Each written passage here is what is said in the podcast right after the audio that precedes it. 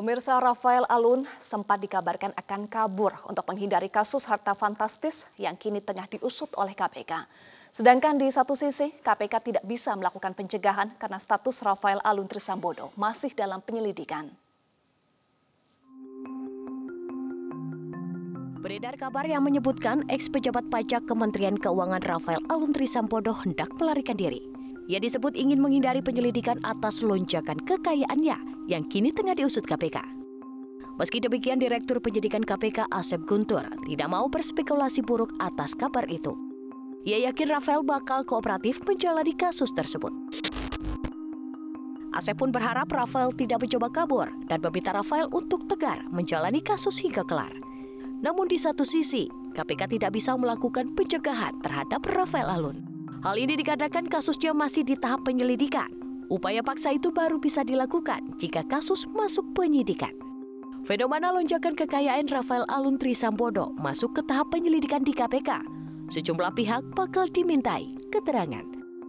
Sementara itu, Wakil Ketua KPK Alexander Marwata diketahui mengenal dengan Rafael Alun Trisambodo. Bahkan disebut satu angkatan di istana. Tapi KPK memastikan tidak ada benturan kepentingan terhadap kasus ini. Satu angkatan, satu alumni, bahkan kemudian ada hubungan kekerabatan pun itu sering uh, ada ya, di KPK karena kita ini kan makhluk sosial kan pasti punya uh, alumni SD, SMP, SMA sampai perguruan tinggi dan di tempat-tempat lain gitu. Namun yang pasti bahwa kami pastikan penyelesaian uh, setiap kasus di KPK itu dilakukan secara profesional gitu ya. Artinya ada sistem yang sudah uh, terukur gitu ya di KPK dan uh, termasuk ketika pengambilan keputusan. Insan KPK tentu sudah sangat paham. Ketika kemudian misalnya uh, ada hubungan uh, dekat dengan pihak-pihak uh, yang diperiksa pasti dia akan mendeklarkan Pak Alex juga sudah jelaskan kan ke teman-teman.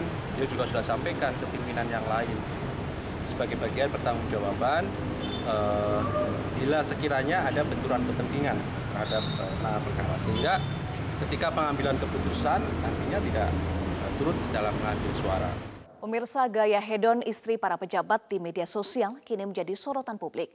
Pemerintah pun dinilai lemah karena tidak ada pengawasan dan sanksi tegas yang berkaitan dengan kepemilikan harta pejabat.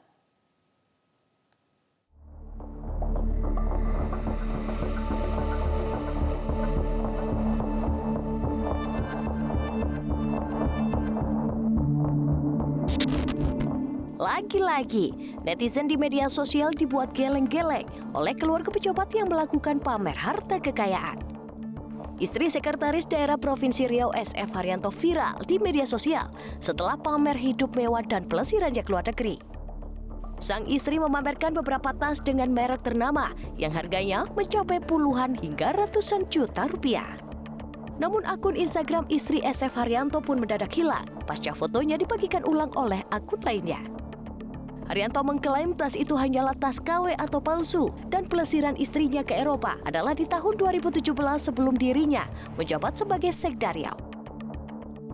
Sebelumnya nama Kasubag Administrasi Kendaraan Biro Umum Kemensesnek, Esya Rahman Syah Abrar viral di media sosial karena istrinya pamer harta. Istri Esya melalui akun media sosialnya mengunggah momen saat membeli mobil mewah serta mengunggah deretan emas batangan yang didapat saat ulang tahun pernikahan. Kemensesnek pun bergerak cepat dengan menonaktifkan sementara Esya Rahman Saabrar dari jabatannya demi memudahkan melakukan verifikasi terkait kebenaran informasi yang berkembang. Staf khusus Kemensesnek Valdo Maldini mengatakan pihaknya telah membentuk tim verifikasi internal untuk menindaklanjuti kasus dugaan pamer harta oleh istri Esya Rahmansa. Pengamat menilai pemerintah seakan lemah karena tidak adanya pengawasan dan hanya mewajibkan para pejabat untuk melaporkan LHKPN saja yang bisa berpotensi tidak dilaporkan secara keseluruhan. Iya, karena selama ini sebenarnya lemah dari pemerintah juga kebijakannya karena selama ini kan hanya mereka diwajibkan untuk melaporkan harta kekayaan LKHN itu kan. Jadi laporan harta kekayaan itulah yang sifatnya wajib tetapi eh, di situ tidak ada satu kontrol yang kuat atau pengawasan yang kuat dari dari atasannya dalam hal ini adalah uh, mereka para pejabat yang di atasnya. Nah, karena itu yang sesungguhnya terjadi adalah e, mereka itu akhirnya ya secara leluasa lah ya leluasa e, untuk melihat bahwa e, dengan cara-cara yang mungkin melanggar hukum ataupun apa mereka itu kemudian mengambang e, dengan cara itu mereka bisa bisa eksis gitu bisa pamer bisa menganggap itulah kinerjanya yang paling bagus. Di satu sisi memang tidak ada sanksinya, Mas. Itu dari LKPN itu kalau misalnya tidak jujur atau mereka menyembunyikan hartanya seperti yang terjadi pada kasus Rafael itu kan memang mereka menyembunyikan uh, dengan apa mobil Robiconnya itu tidak dilaporkan tetapi malah dimiliki oleh salah satu keluarganya. Nah, ini juga menjadi potret di mana kemudian memang melalui istilahnya terbuka lah kedok itu melalui istri-istrinya atau anak-anaknya yang berperilaku dalam tanda petik memang mengalami itu apa narsistik uh, personality disorder itu. Sebelumnya, ex pejabat pajak Rafael Alun juga menjadi sorotan. Istri maupun anak Rafael kerap kali pamer kemewahan di media sosial. Publik pun mencurigai ketidakwajaran harta Rafael yang terlalu besar untuk penjabat eselon 3 di Kementerian Keuangan hingga ia dipanggil Komisi Pemberantasan Korupsi. Kegemaran pamer harta kekayaan di media sosial turut ditunjukkan istri Kepala Badan Pertanahan Jakarta Timur, Sudarman Harja Saputra.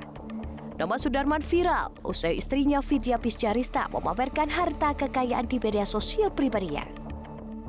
Berikutnya ada Andi Pramono, Kepala Bea Cukai Makassar yang viral usai istri dan anaknya kerap pamer kemewahan di media sosial. Andi pun harus diperiksa KPK untuk melihat ketidakwajaran harta yang dimiliki. Pemirsa Kepala Badan Pertanahan Nasional Jakarta Timur, Sudarman mendatangi KPK untuk klarifikasi harta kekayaannya. Hal ini dilakukan usai sang istri menunjukkan pamer harta. Informasi selengkapnya kita sudah terhubung dengan jurnalis MJN Ardila dari KPK. Ardi, apakah Kepala BPN Jaktim Sudarman sudah tiba di KPK?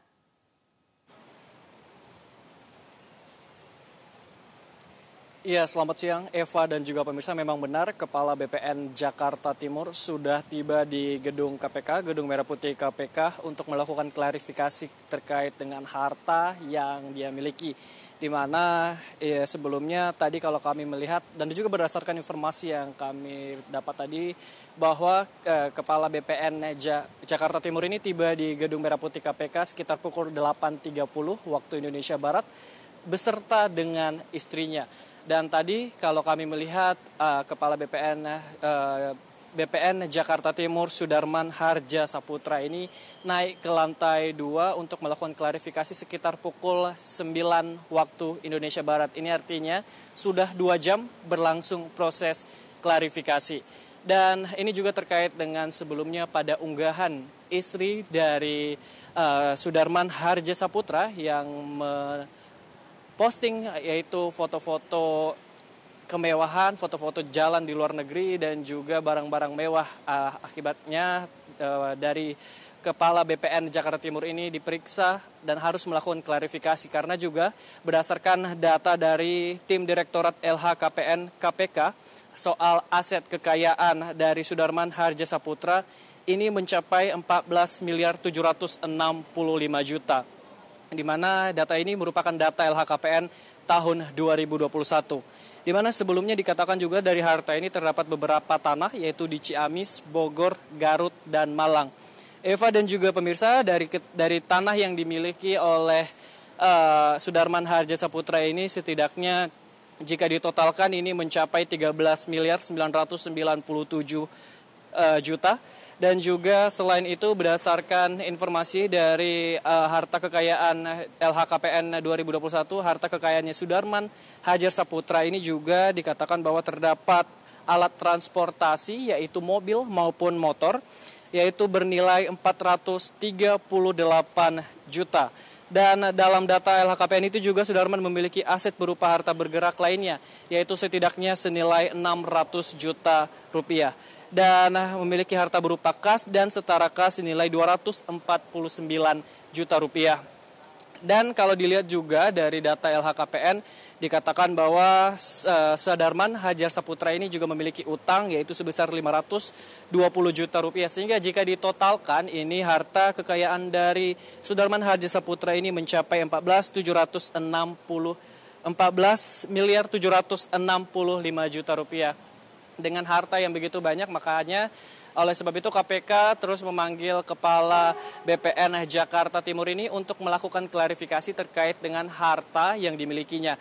Dan kalau kami melihat eh, hingga saat ini proses klarifikasi masih terus berlangsung dan hingga saat ini masih belum ada statement baik itu dari pihak Sudarman sendiri dan juga dari pihak KPK tadi kami sudah mencoba menghubungi dan masih belum memberikan statement resmi terkait dengan proses klarifikasi pada hari ini. Kami akan menunggu nanti uh, bagaimana proses berjalannya klarifikasi.